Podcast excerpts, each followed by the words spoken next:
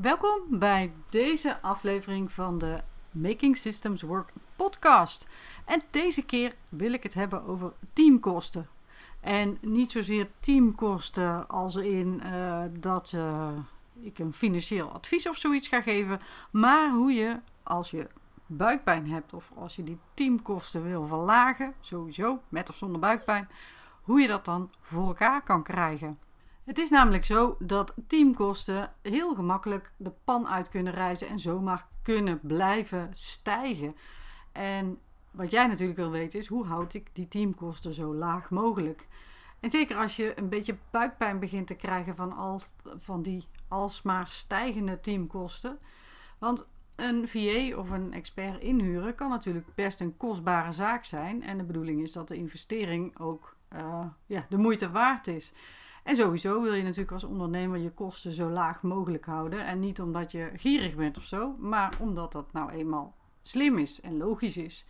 Want met dezelfde omzet hou je dan meer over. Jij bent ondernemer, dus je weet ook dat gratis niet bestaat. En dat is natuurlijk helemaal oké. En toch kan ik me voorstellen dat je enige onrust voelt als je aan het einde van de maand naar je financiën kijkt. En die teamkosten weer hoger zijn geworden. Dus weer meer uren verspijkerd door teamleden. Inhoudelijk kan ik natuurlijk niks zeggen over hoe jij je business wel of niet uh, slim runt. En over de financiële kant aan zich al helemaal niet. Maar ik weet wel een paar dingen die je kan doen. En uh, dat heeft alles te maken met hoe jij je business aan de achterkant, achter de schermen, dus organiseert. Wat je bijvoorbeeld kan doen om te beginnen is eens kijken of er bijzondere taken of activiteiten waren in de afgelopen periode. En misschien is dit een open deur hoor, waardoor het gewoon logisch is dat er meer uren gedeclareerd werden. Een tweede ding is, en misschien ook wel een open deur, een tweede open deur, is kijken of de taken wel echt gedaan moeten worden. In een van de interviews die ik voor de podcastserie Achter de Schermen bij eh, heb gehouden, kwam naar voren dat uh, een ondernemer, in dit geval was het uh, Danielle Leuvering, die uh, enorm, haar team enorm heeft ingekrompen om allerlei redenen. En toen werd ze dus enorm kritisch op, moet deze taak überhaupt wel gedaan worden? En kan het niet sneller of is het... kan het nou ja, niet zozeer kwaliteitsniveau omlaag, maar kunnen alle franjes er misschien af? En dat bleek dus in heel veel gevallen zonder problemen te kunnen. En dan heb je een derde optie. En dat is, en dat is ook niet mijn expertise, is het beoordelen of je de juiste mensen aan boord hebt. Want misschien kan een meer senior VA of een expert in heel veel minder tijd bereiken wat degene die het nu doet eh, in heel veel meer uren doet. Waardoor, ondanks dat je een hoger tarief per uur betaalt, misschien uiteindelijk je kosten toch lager zijn. Nou, nogmaals, dit is niet mijn expertise. En um, als je in deze drie dingen, als je die gedaan hebt uh, en je denkt, nou weet je, daar zit niet heel veel ruimte meer voor winst, dan zou ik eens onder de motorkap van je business duiken. Dus achter de schermen gaan kijken. Want bij heel veel ondernemers is daar echt heel veel winst te halen. En ik durf te wedden dat dat bij jou ook zo is. Het uitvoeren van taken en het samenwerken van je team, of jij met je team of jij met experts, kan vrijwel altijd efficiënter. En dat komt, dat is geen verwijt, want dat komt gewoon omdat je op een bepaalde manier bent gaan werken samen. En eh, in heel weinig, onderne heel weinig ondernemers nemen de tijd om dat periodiek eens te reviewen van doen we dat nog wel allemaal op de slimste manier. Dus zijn er bijvoorbeeld afspraken gemaakt over hoe je met elkaar communiceert, waarvoor je elkaar belt en wat gewoon via een projectmanagement tool gaat of een, een uh, hoe heet dat? Uh, een spreadsheet bijvoorbeeld.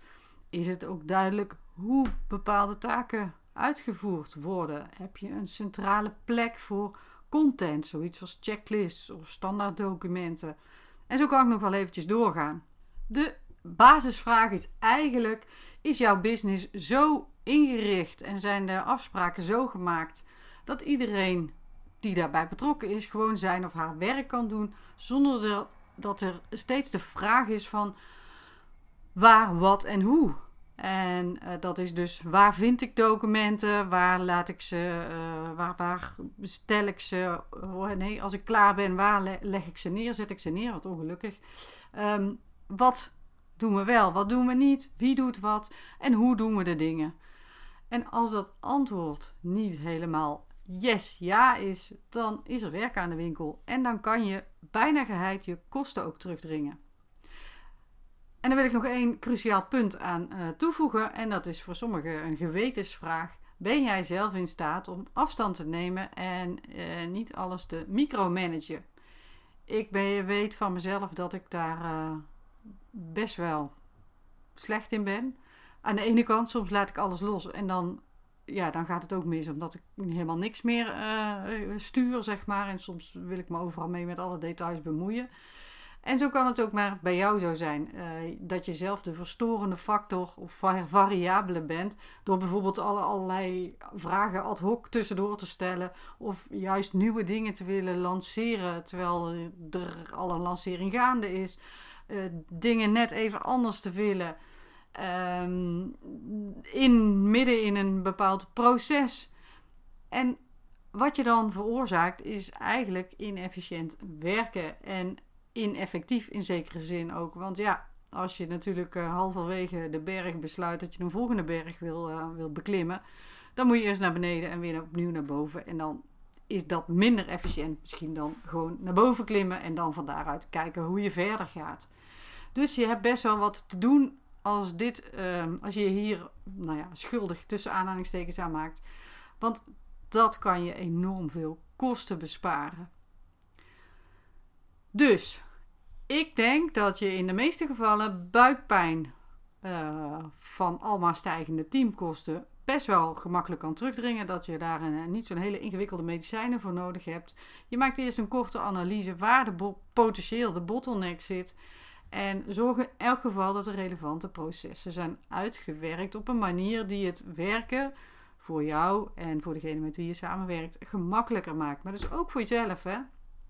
En dan wordt het dus slimmer, efficiënter voor het hele team. Ik ben heel benieuwd naar uh, jouw reactie en wat je meeneemt uit deze aflevering. Ik zou het heel tof vinden als je me dat laat weten via een DM op Insta of LinkedIn.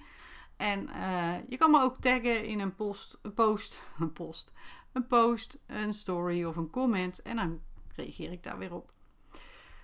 Mocht je nou denken, best leuk al dat slimmer inrichten. Maar uh, ik heb iemand nodig die wat meer met een helikopterview kijkt. En uh, die, die mijn business wat van een afstandje beschouwt. Om, om me te helpen om sneller stappen te maken. Dan plan gerust een call in via de Making Systems Work website.